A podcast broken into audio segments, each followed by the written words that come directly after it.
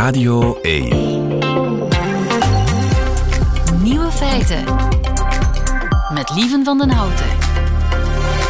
Dag en welkom bij de podcast van Nieuwe Feiten van vandaag, 4 oktober 2023. In het nieuws vandaag dat krokodillen hitsig worden van helikopters.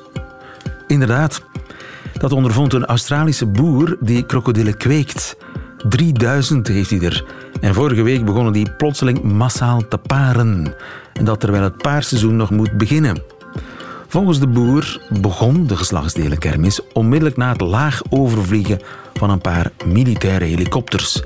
De mannetjes begonnen als gek te brullen, waarna ze begonnen te paren. Biologen werden ingevlogen. Eén daarvan denkt dat die helikopters verschillen in luchtdruk veroorzaken. Die lijken op een storm. Krokodillen paren gewoonlijk rond de start van het regenseizoen. Vandaar. Een andere bioloog beweert dan weer dat het lage brommende geluid van een helikopter dat dat lijkt op de brul van een mannetje. Hmm. Ik vind het zeer opwindend, maar lijkt het op een helikopter? Ja. In de verte misschien wel. De andere nieuwe feiten vandaag. Vandaag is het een pittoresk stadje in Engeland, maar in de 14e eeuw was Oxford de gevaarlijkste plek op aarde. We hebben een woord nodig voor het gevoel van leegte en spijt na het lezen van een geweldig boek. En het omkeren van een déjà vu bestaat ook een jamais vu. De nieuwe feiten van Jovan Castiel die hoort u in haar middagjournaal. Veel plezier. Nieuwe feiten.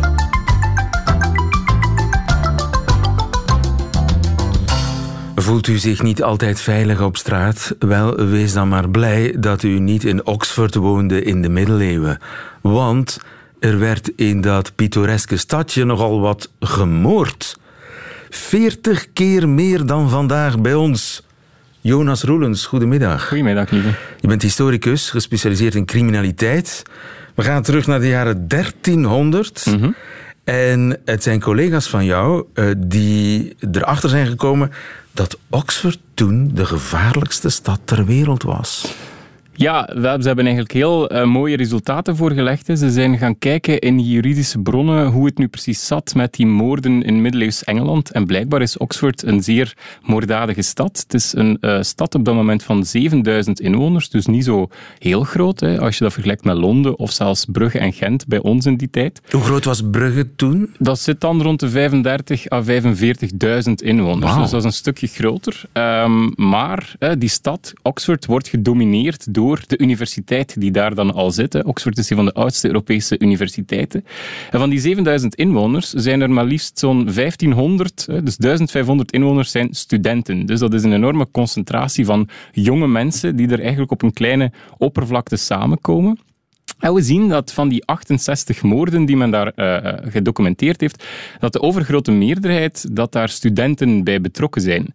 Dus je moet je voorstellen dat dat gaat over een aantal jonge, uitsluitend mannelijke studenten, want vrouwen kunnen nog niet studeren op dat moment, uh, die, ja, die er samengepakt zitten en waar de situatie vaak uit de hand loopt. Hè. Bij heel veel van die zaken is er alcohol in het spel, ja. zijn er caféruzies die ontsporen, zijn er beledigingen die weg en weer gegooid worden, waarna men naar de messen grijpt of op de vuist gaat, en waarbij heel veel van die uh, zaken escaleren en in een moord eindigen. Ja, er wordt nog steeds veel gedronken in studentenmilieus, Klopt. zeker de, de, mannen onderling.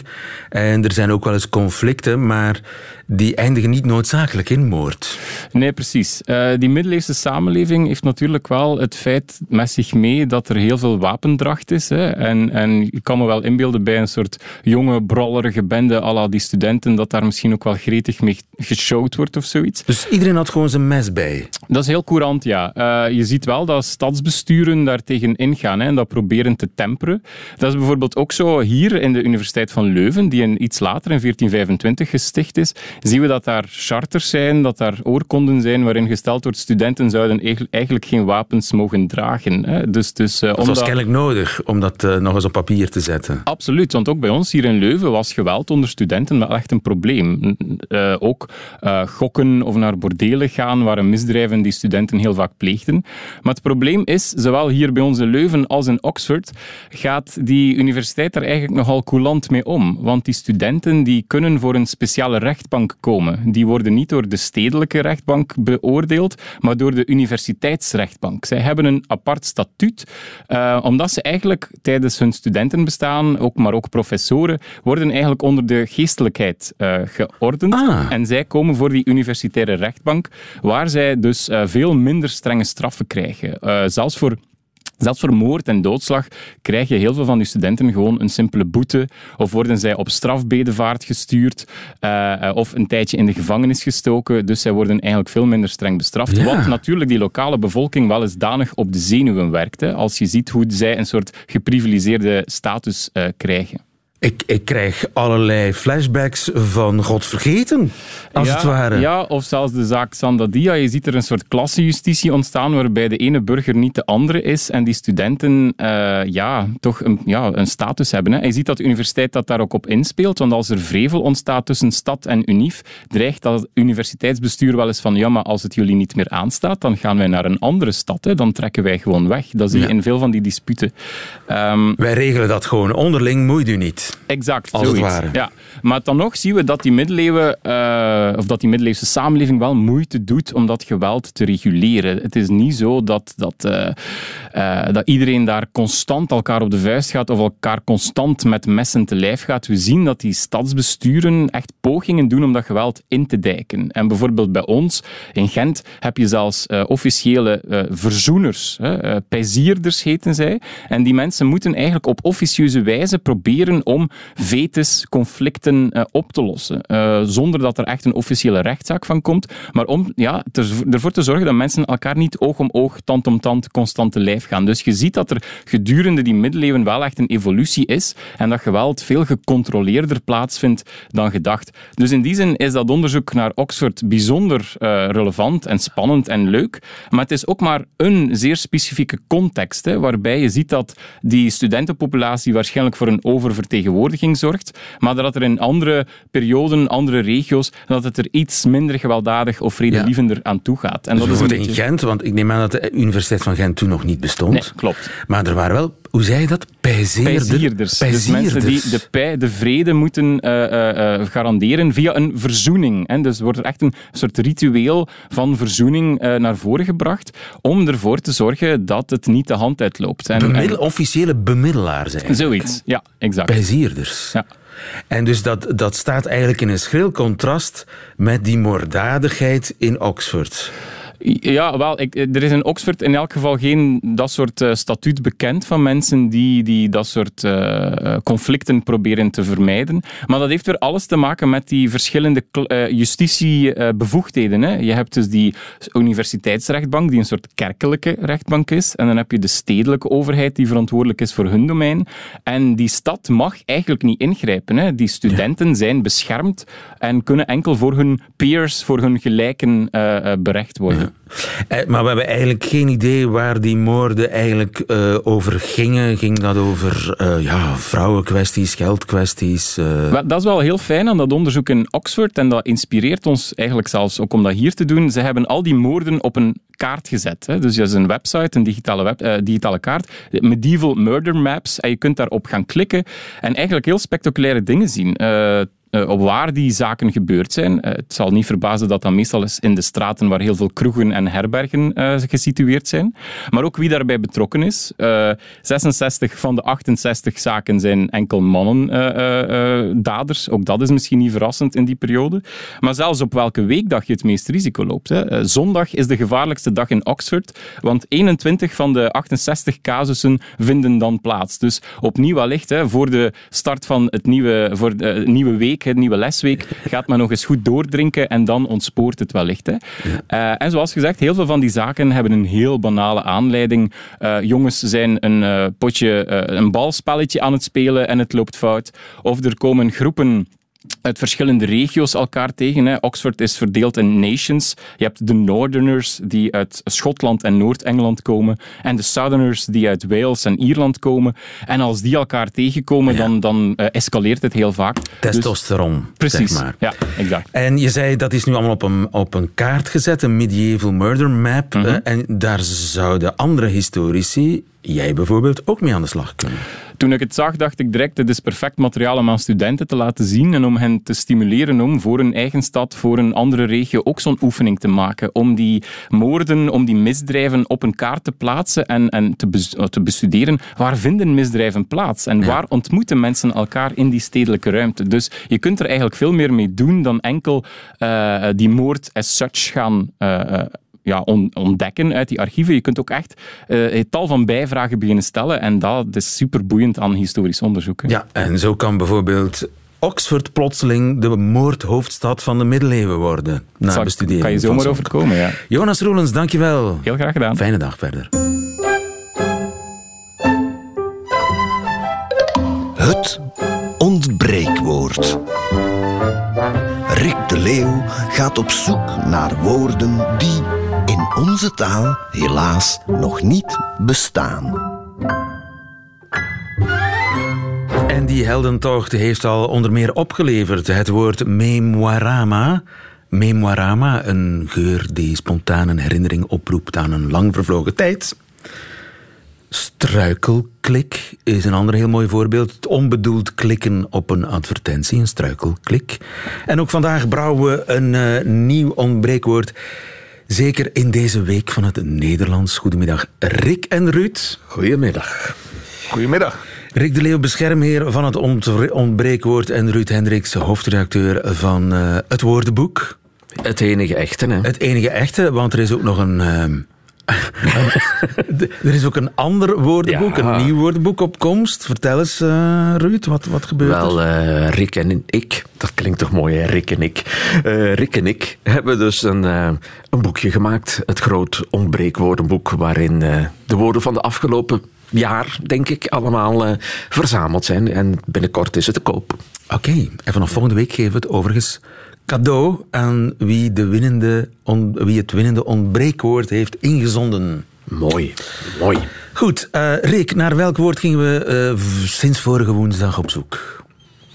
Uh, we zochten een woord voor het gevoel van leegte na het uitlezen van een heel mooi boek. Het is de week van het Nederlands, dus we dachten we doen het eens binnen de literatuur.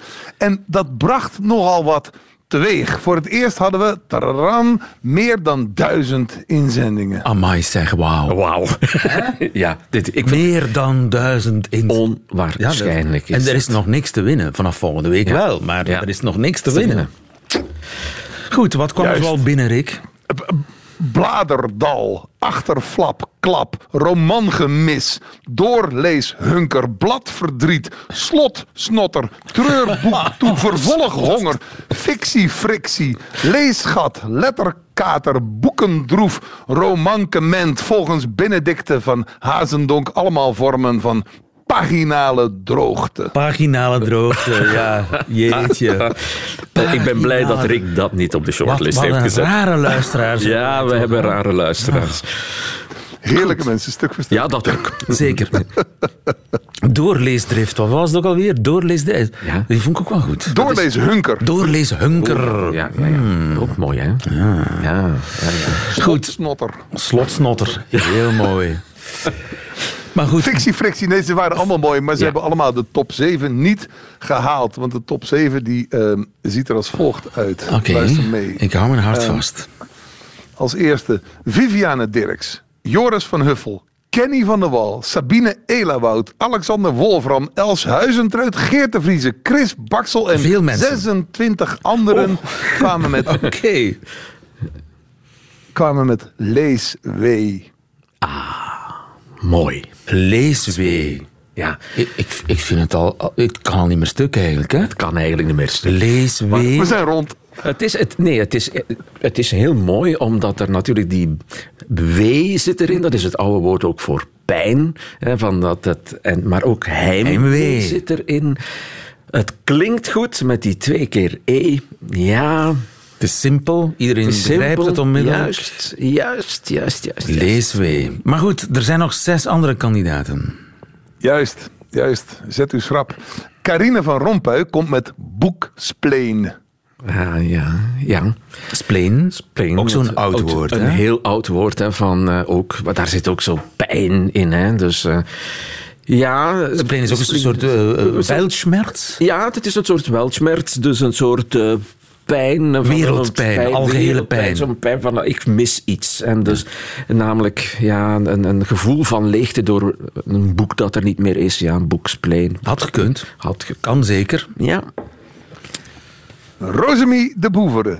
Indra Versmessen. Joke Verkamer.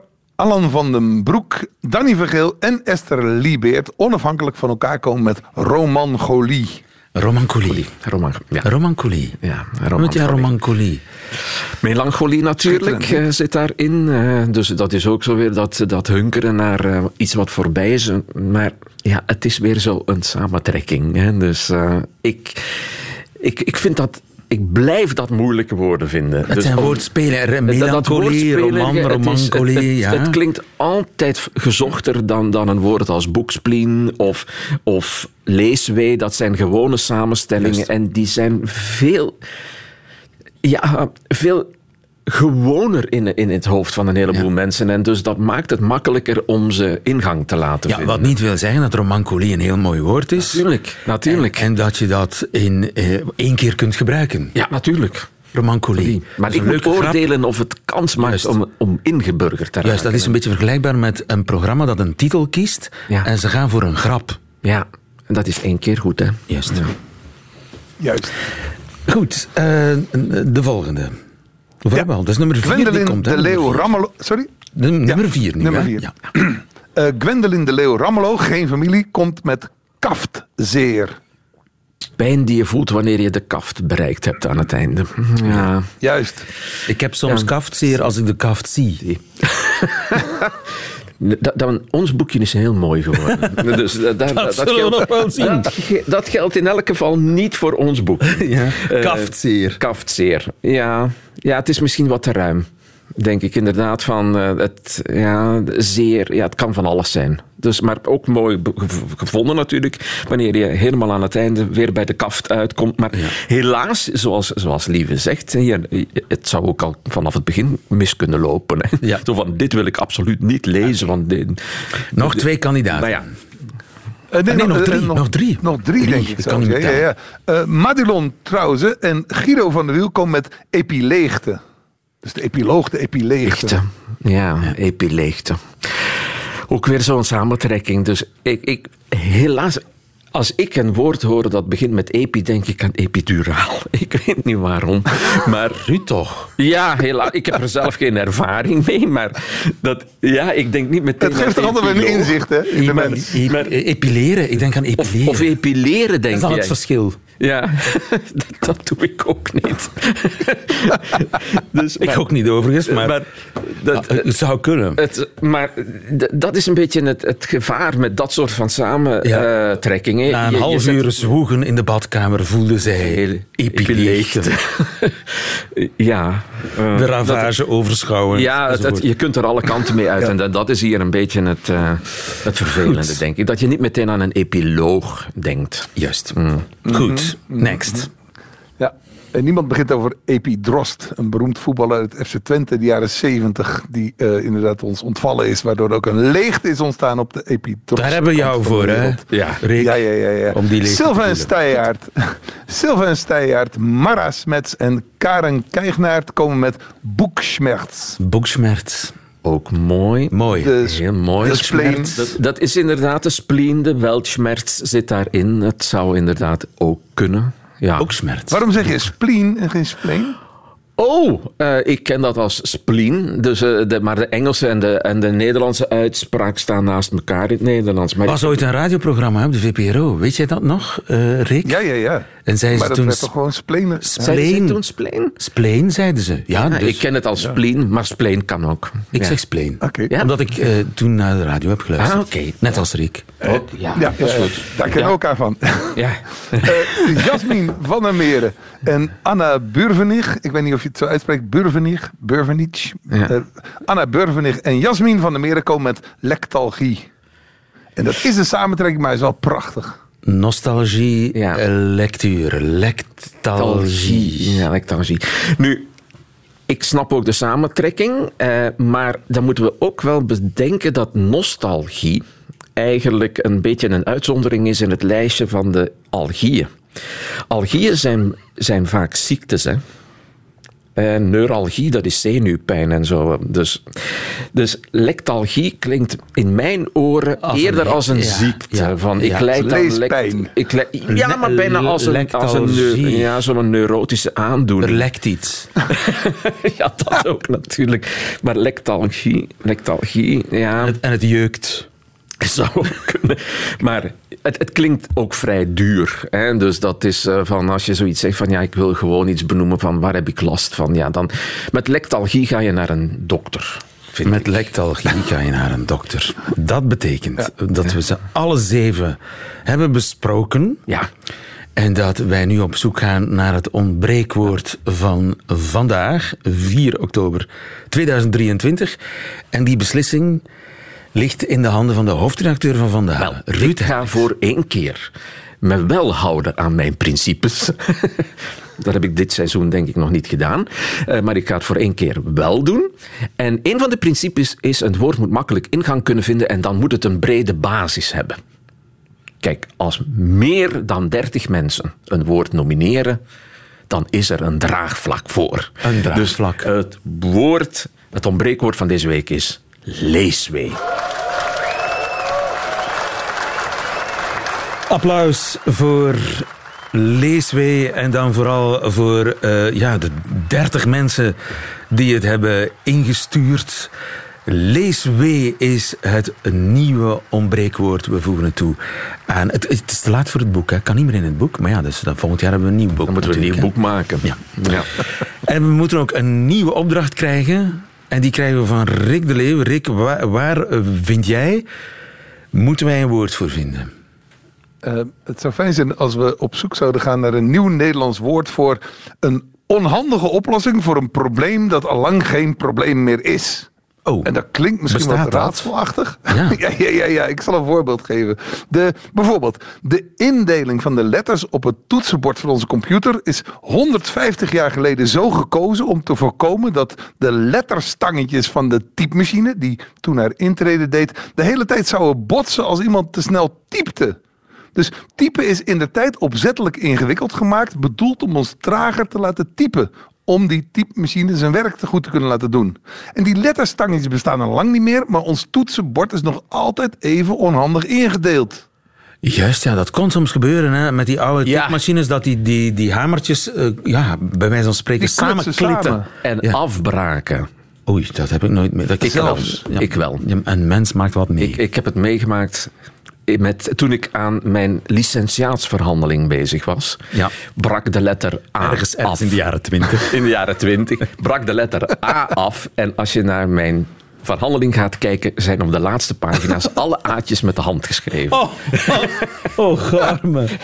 Ja, vandaar... eh, ja, ik was heel blij toen... eh, Isabolle O was, oh, was ooit een woord, geloof ik, hè, die je Rad van Fortuin moest, eh, zoiets. Ja, ja. Goed, maar zijn er zo nog eh, onhandige oplossingen voor problemen die al lang niet meer bestaan?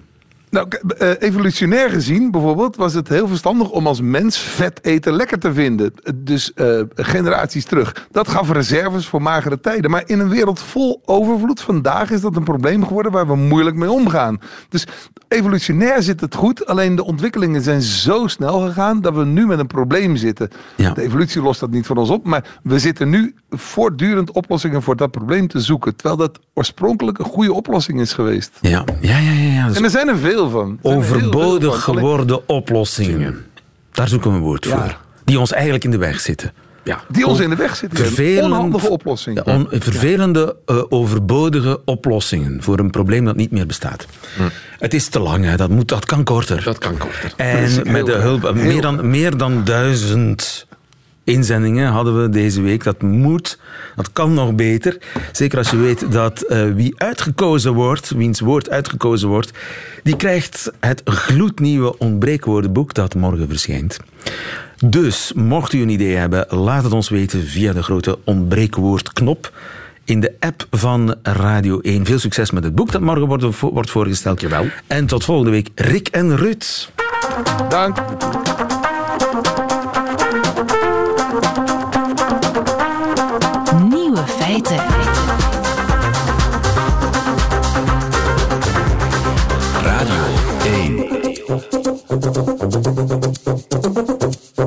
Ja, ik gisteren iets heel raars meegemaakt. Ik heb eh, twee knoppen. Ik heb een knop om eh, de verkeersjingle te starten, dat is deze, hè, voilà. Eh, en ik heb een knop om de meest recente verkeersinformatie op te roepen. En nu wist ik gisteren plotseling niet... Ik gebruik die knoppen al honderd jaar en gisteren kon ik die twee knoppen plotseling niet uit elkaar halen. Ik had bijna per ongeluk de verkeersjingle gestart tijdens de plaat toen ik gewoon een bericht wou lezen. Tom Bekkers, goedemiddag. Dag lieven. Professor cognitieve psychologie aan de Universiteit van Leuven. Zeg het mij gewoon, Tom, ben ik dement aan het worden? Ik kan je geruststellen, lieven, je bent niet dement aan het worden. Eh, wat je hebt meegemaakt is, eh, is een jamais vu. Een jamais vu? Minder bekende, ja, ja, het minder bekende tweelingzusje, of misschien moeten we beter zeggen het spiegelbeeld van de déjà vu. De déjà vu, dat ken ik. Hè. Dat is iets eh, nieuws dat vertrouwd aanvoelt. Ja, je hebt het gevoel dat je iets al eerder hebt meegemaakt, terwijl dat eigenlijk niet zo is. Je bent bijvoorbeeld radiopresentator, je hebt een gesprek met een studiogast en het is net alsof je exact datzelfde gesprek al eerder hebt gevoerd met diezelfde studiogast. Ja, dat heb ik ook soms. en dat is Ja, dan, dat is dan een, een déjà vu. En het, Dat is een déjà vu. een jamais vu is het spiegelbeeld, dus dat is iets vertrouwds dat plotseling als nieuw aanvoelt. Ja, en dus die, die, die déjà vu, om daar nog heel even bij stil te staan. Een déjà vu dat is eigenlijk een teken dat je hersenen net goed functioneren, niet dat ze slecht functioneren.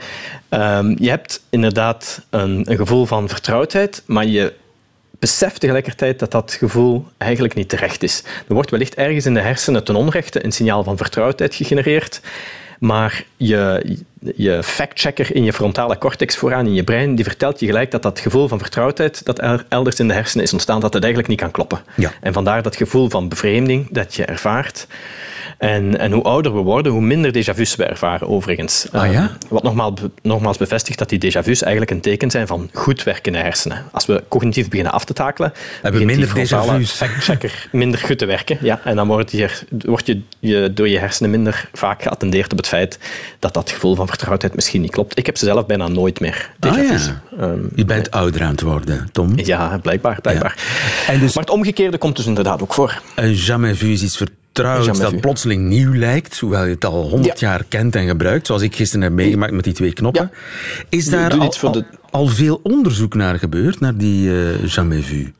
Nee, eigenlijk is er heel weinig onderzoek. Ehm, het is iets wat, wat mensen wel spontaan herkennen. Hè? Dat je bijvoorbeeld opeens met de auto aan het rijden bent en, en je doet dat al jaren. Opeens weet je niet meer hoe schakelen of, of heb je toch het gevoel dat je dat niet meer op automatische piloot kan. Ehm, iets dat in principe automatisch zou moeten gaan zonder nadenken. Opeens verliest dat die vanzelfsprekendheid. Ik had het zelf vorig weekend ook nog op de jaarlijkse familiebijeenkomst van mijn tantes en onkels en neven en nichten langs moederskant. Bij die gelegenheid passeren we ook altijd langs het kerkhof en dan wordt er bij de graven van overleden familieleden kort iets gezegd en vervolgens worden er dan een aantal weesige groetjes achter elkaar gepreveld, Tom, afgerammeld. toch? Iemand Ja, bij de ja. eerste helft voor en de rest moet dan invallen in koor. En ik stond daarbij en opeens wist ik helemaal niet meer hoe dat verder moest gaan, zo'n weesige groetje. En ik heb die nogthans in, in een ver verleden heel vaak gebeden.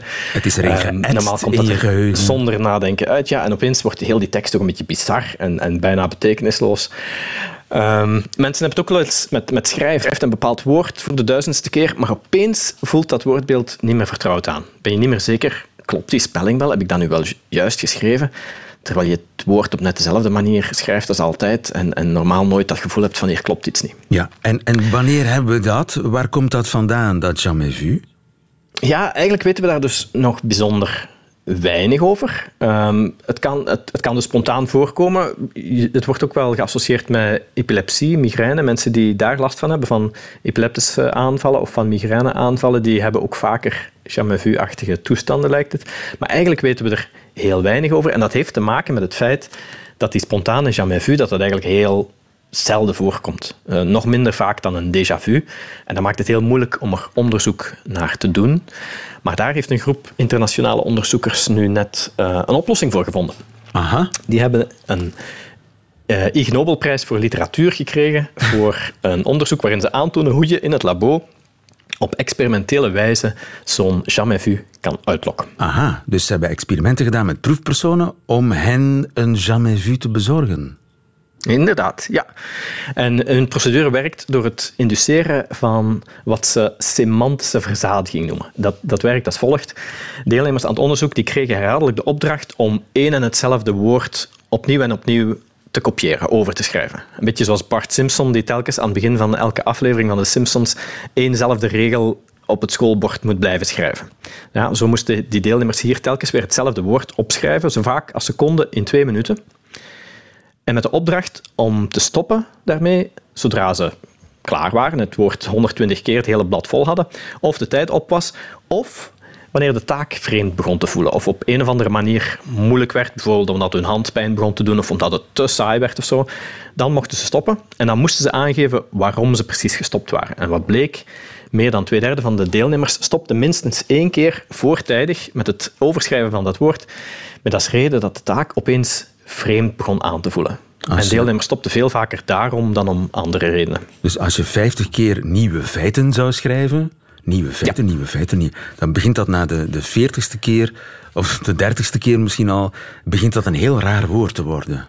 Ja, en, dan, en, dan, en mensen rapporteren dan ook, als je dan vraagt van wat is nu precies je reden om te stoppen, dan gaven ze inderdaad redenen zoals ik wist dat het woord juist geschreven was, maar, maar het voelde verkeerd. Um, het leek opeens um, niet meer te kloppen. Ja. Dat soort van dingen.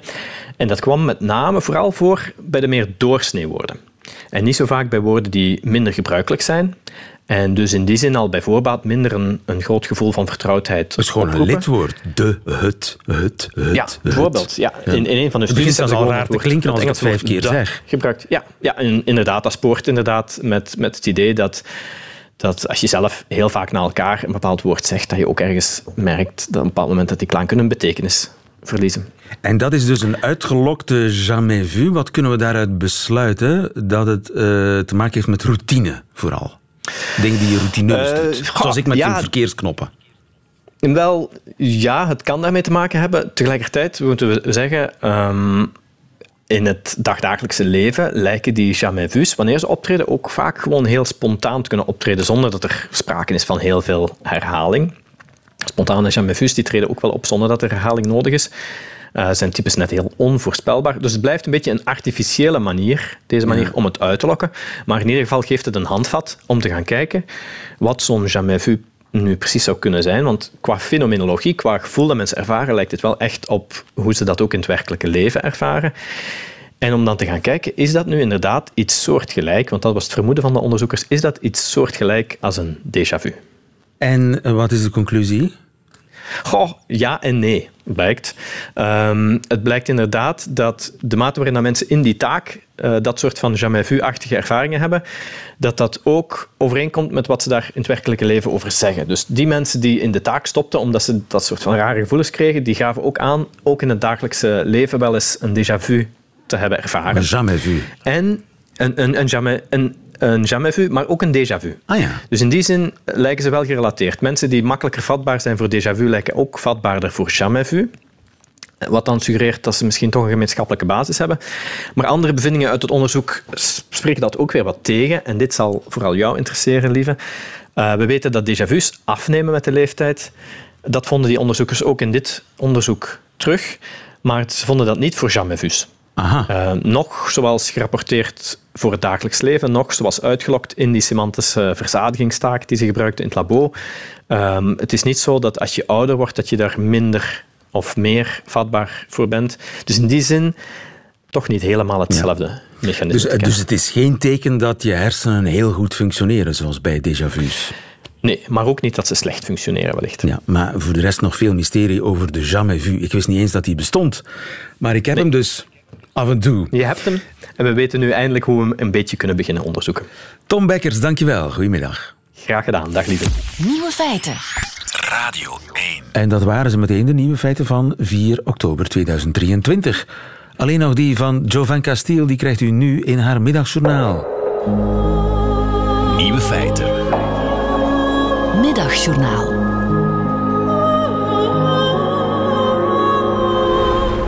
Goedemiddag. Artificiële intelligentie is overal. Een museum in Parijs heeft vorige week een AI-versie van Vincent van Gogh voorgesteld. En hij kan spontaan alle vragen over zichzelf beantwoorden. De zogenaamde wetenschappers die dit hebben gemaakt zijn van dezelfde generatie die relaties beginnen via een app, die regelmatig van wolkenkrabers vallen terwijl ze selfies nemen en die denken dat koken met een maaltijdbox bijna hetzelfde is als hoe mensen in de middeleeuwen kookten. En deze tienerwetenschappers vertelden ons dat als wij met deze AI van Gogh zullen praten, wij het gevoel zullen hebben 100 jaar terug te gaan in de tijd. Ja, wel, ze hebben gelijk, want 100 jaar geleden had de echte Van Gogh ook niks te vertellen, omdat hij al 30 jaar dood was. Toen de wetenschappers aan AI van Gogh vroegen waarom hij zijn oor heeft afgesneden, antwoordde hij dat hij aan een zware depressie leed. Ja, dat klinkt precies hoe iemand in 1880 zichzelf zou zien, jaren voor de psychologie werd uitgevonden.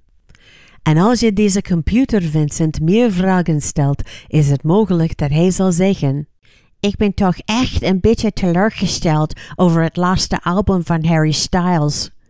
Maar dan in het Engels, want de AI-versie van Van Gogh spreekt geen Nederlands. Nee, ik verzin dit niet. Als de echte Van Gogh zijn AI-versie zou ontmoeten, lijkt de kans mij heel groot dat hij ook zijn andere oor afsnijdt. En ik vrees dat het ook maar het begin is. In plaats van echte geschiedenis te leren, zullen de jongere generaties van studenten hun diploma's krijgen dankzij een chatgesprek met bekende mensen uit het verleden. En de professoren zullen machteloos zijn. Ja, ik vond het raar dat mijn student schreef dat K3 de piramides heeft gebouwd. Maar toen zag ik een filmpje waarin die student met K3 en koning Ramses aan het dansen was. En dus moest ik hem wel grote onderscheiding geven. En ik ben blij dat ik ook iets heb bijgeleerd. Dus sorry als ik wat cynisch klink, maar misschien moeten we stoppen met deze gekke AI-toestanden als we niet willen dat onze kinderen binnenkort denken dat Van Gogh samen met Assepoester en de Zeven Dwergen in een kasteel in Disneyland woont.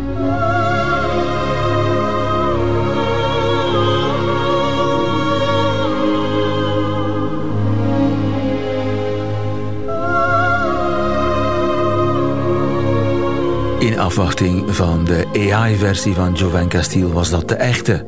En meteen het einde van deze podcast hoort u liever de volledige nieuwe feiten met de muziek erbij.